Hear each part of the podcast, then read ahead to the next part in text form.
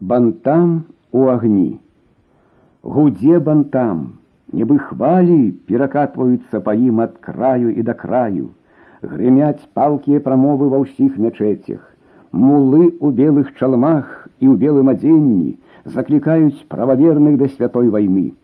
І прававерныя надзяюць белыя кашулі, узброіваюцца дзядоўскімі крамянёвымі стрэльбамі, крысамі, пікамі і складаюць святыя атрады. Носіцца смуглы селім таксама ў белай чалме і белым халаце, на вараным кані, шаблі на поясе і кліча народ ад імя Аллаха на рашучую бойку з чужынцамі за веру святую, за незалежнасць явы, за адраджэнне ранейшай яванскай дзяржавы.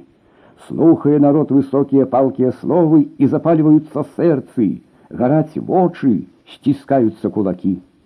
Свядомыя рабочыя усміхаюцца, слухаючы святыя прамовы і задачы, але такіх рабочых вельмі мала. Яны тонуць у моры цёмнага народа, і не час цяпер спрачацца аб мэтах. Пакуль што мэта адзіная для ўсіх скінуць уладу чужынцаў.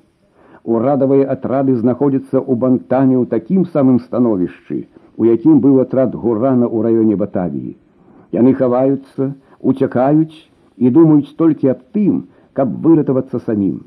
Не адна сотня салдат перайшла на бок народа, а паліцыя пераходзіла яшчэ ахвотней. Толькі тры астравы захаваліся сярод гэтага грознага мора: город Бантам, Тенанг ды Лябуан. Жыхары паўцякалі з іх, але салдаты утрымаліся і адбілі некалькі атак паўстанцаў. Усё гэта пачалося тады, калі Пуан сваім атрадам даставіў на месца толькі частку зброі. Калі да яго дайшла вестка пра паўстанне спачатку ў батавіі, а затым у бантаме, ён забегаў узад і ўперад нібы ранены звер. Якая прыкрасць, хоць бы тыдзень два пачакалі, а цяпер што ж рабіць? Ён адправіў пасланцоў да салула і ейса, а сам, захапіўшы зброі, колькі мог, кінуўся на тэнанг. На ўсё гэта пайшло некалькі дзён. Калі ён падышоў да тэнанга, то з другога боку да яго набліжаўся атрад урадавага войска ў 500 чалавек. Трэба было не дапусціць іх да тэнанга. У Пуана было каля 400 чалавек, але палову з іх трэба было пакінуць для горада, каб затрымаць гарнізон. Прыйшлося выступіць супраць атрада толькі з паловай байцоў, але Пуан меў з сабой яшчэ тысячу запасных вінтовак і спадзяваўся ўзброіць імі насельніцтва сотні чалавек хутка сабралася, а для далейшага патрэбен быў час. Атрады сустрэліся за 10 кіламетраў ад Тэнанга, заляглі, пачалася перастрэлка. Галандскі камандзір хацеў весці сваё войска ў атаку, але тубыльцы салдаты не вельмі імкнуліся да гэтага і ахвотна зноў паляглі, калі збоку інсургентаў затарахцеў кулямёт. Праз гадзіны дзве збоку з'явіўся на дапамогу белы атрад сотні чалавек. Урадаваму атраду прыйшлося адстрэльвацца на два фронты. Пуан зараз жа задумаў скарыстаць такое становішча і перайсці ў атаку. Пакуль ён рыхтаваўся, пачалася страляніна і з трэцяга боку ззаду. Значыцца, яшчэ падышла дапамога.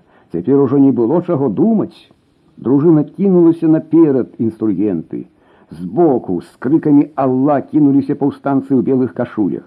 Ззаду таксама пачуўся крык. Пры такіх умовах паднявольныя ўрадавыя салдаты хутка пакідалі свае вінтоўкі, уцякло толькі чалавек 50. Калі ўсе зышліся разам, дык убачылі, што трэцім атрадам быў атрад гурана і нонга. Пуан не адразу пазнаў нонга, які цяпер быў ужо зусім не такім прасцецкім вясковым дзецюком, як раней. Адкуль? Якім чынам пачаў ён распытваць нонга і той расказаў усе свае прыгоды. А гуран падрабязна інфармаваў пра паўстанне ў батавіі пра іх вандроўкі засаду ў цясніне. Пасля гэтага мы ішлі толькі ўначы по дарозе натрапілі на гэты атрад і трымаліся за ім у свет пакуль прыйшоў час і нам прыняць удзел. Селім у гэты час збіўся каб заняць горад бантам але поспеху не меў бо войска яго было дрэнна ўзброена. Тады ён прыпыніў атакі і накіраваўся да пуана, каб атрымаць зброю, а тым часам тэнанг быў узяты.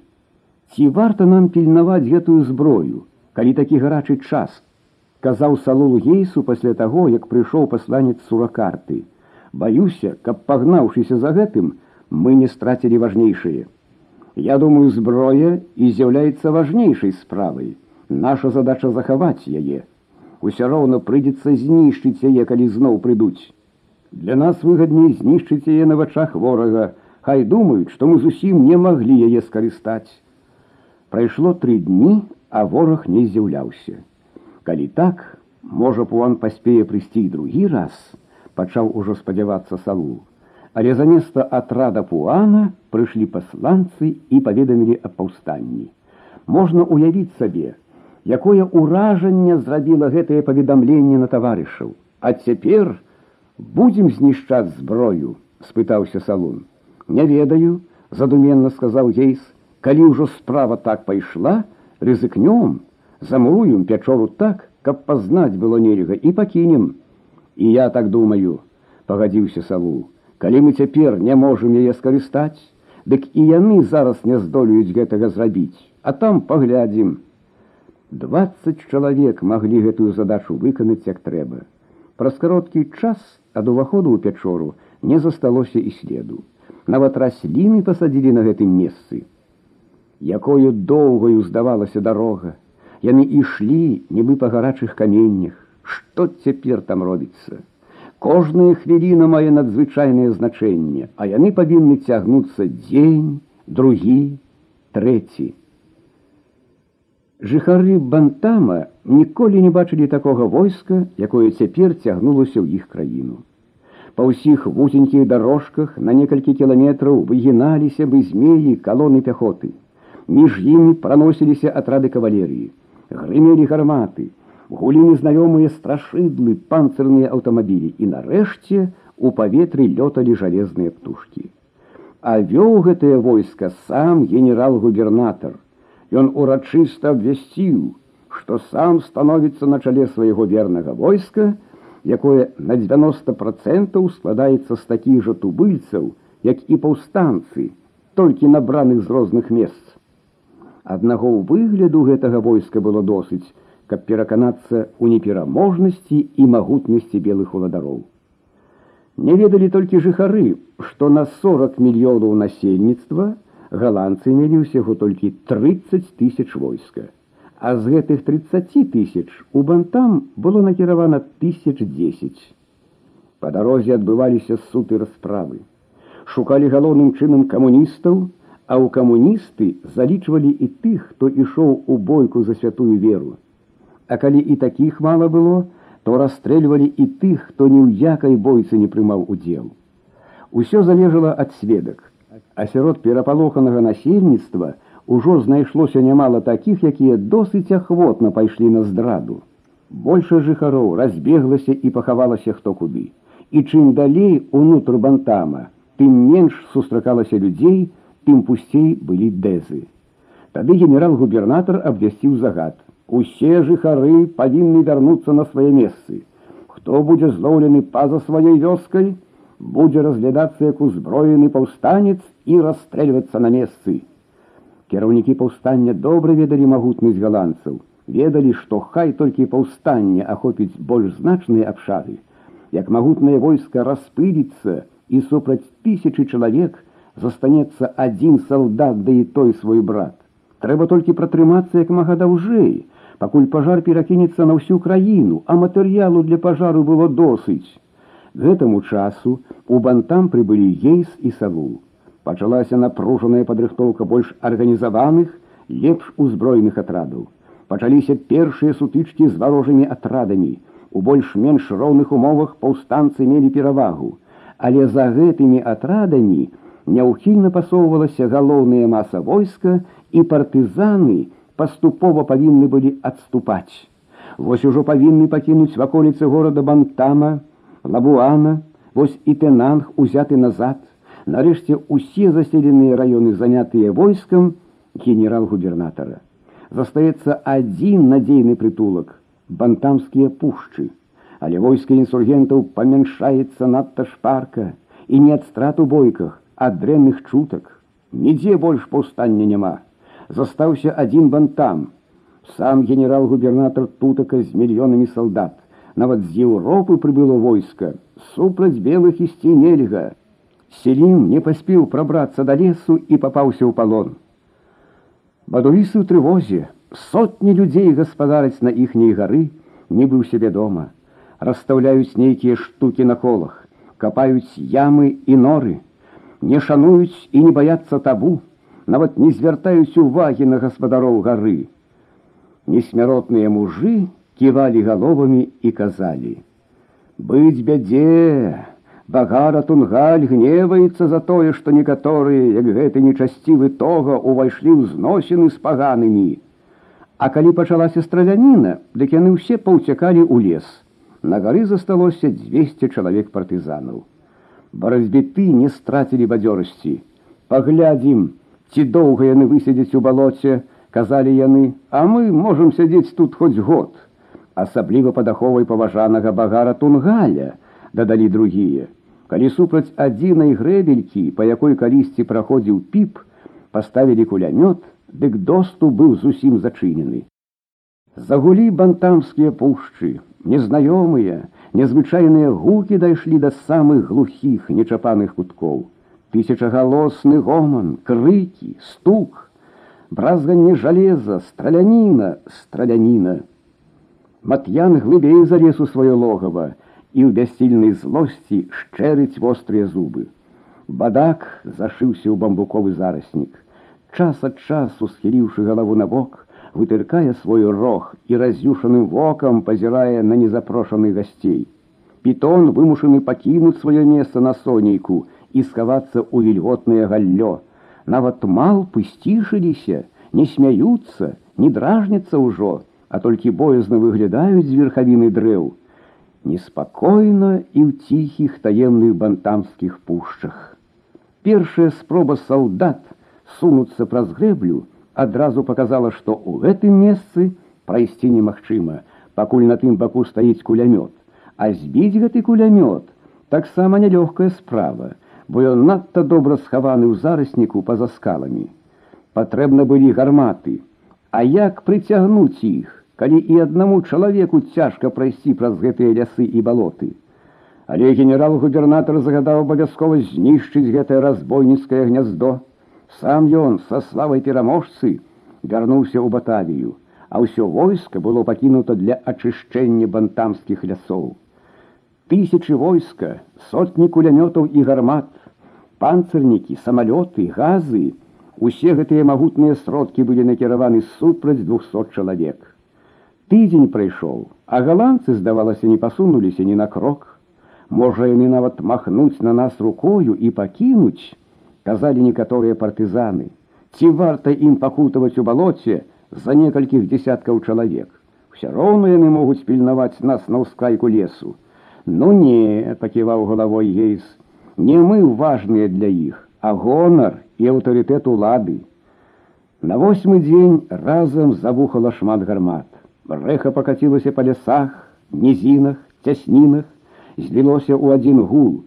Не прайшло і двух гадзін, як знізу прыбеглі таварышы і сказалі, што дрэвы, скалы і кулямёты для грэблі знішчаны.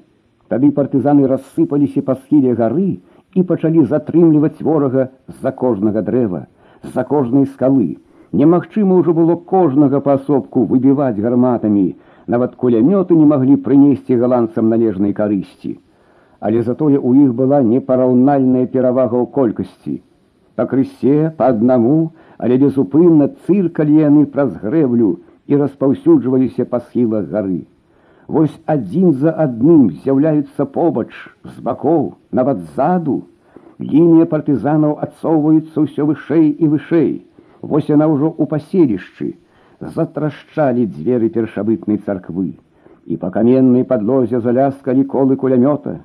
Гейс стараўся прыпомніць ход, па якім ён калісьці спускаўся ўніз да піпа, але ў гэтай блытаніне цяжка было разабрацца. А ў сваім катуху па-ранейшаму стаяў факір, спакойна пазіраў на гэты гармідар, і вочы яго, здаецца, казалі: « І чаго гэтыя людзі мітусяцца, хвалююцца, калі кожны мае магчымасць знайсці спакой і шчасце, як я. Шукаючы выхаду наверх, нонг, як раней піп, натрапіў на яму са змеямі. Запаліўшы запалку, нон з хвіліну прастаяў, як скамянелы перад гэтай жудаснай ямай. Нарэшце прыстасавалі наверсе кулямёт, і ён пачаў паліваць ваколіцы свінцовым дажджом. Тады ў адказ пачалі рвацца снарады. Усё бліжэй, бліжэй. Вось ужо адзін снарад знёс маленькую вежу на царкве, другі прабіў сцяну, а навокал, нібы мурашкі паўзуць салдаты. Жах ахапіў гейса, калі ён зверху убачыў, якая маса іх сабралася. Сонца схілялася к захаду, калі выявілася, што трымацца болей няма сэнсу і патрэбы. Салу даў загад адыходзіць. Паслаў чалавека да гейса, каб перадаць яму аб гэтым, але па дарозе яго зваліла куля. Не паспеў гейс разабрацца ў становішчы, як убачыў, што ўвесь пасёлак у руках ворага. Адна царква, нібы востраў заставалася сярод варожага мора. З гейсам апрача нонга засталіся яшчэ два партызаны. Развітаемся, таварышы, сказаў бледны гейс і неяк крыва усміхнуўся. Пачакайце крыху, страляйце далей, крыкнуў нонг і пабег уніз. Ён выламаў па дарозе некалькі дошак, пабег да ямы са змеямі, опусціў туды дошки адным канцом і вярнуўся назад. Цяпер сачыце і падрыхтуйцеся да спуску, сказаў ён. Грукат страляніны, выбухі снарадаў, уздрыгі сцен так раздзюшылі змеяў, што яны як шалёныя кінуліся на двор і пакаціліся клубкамі. А ўбачыўшы тых стварэнняў, якія ўсё гэта нарабілі, змеі накінуліся на іх. Салдаты не толькі не мелі часу абараняцца, але ад жаху пакідалі зброю і з нечалавечымі крыкамі пабеглі хто куды. Адразу сціхла страляніна, ніхто нічога не бачыў апроч змеяў, і ей з таварышамі мелі досыць часу, каб пачакаць, пакуль фронт адсунецца, знайсці зручнае месца, спусціцца і ўцячы. Але не толькі гэты штурм падрыхтоўвала галандскае камандаванне. Шмат войска рознымі шляхамі было накіравана ў горы у тыл паўстанцам. На працягу месяца ішло паляванне на інсургентаў якія уцяклі ў горы. Цяжка было іх тут злавіць але ўсё ж такі шмат з іх трапіла ў руки ворагаў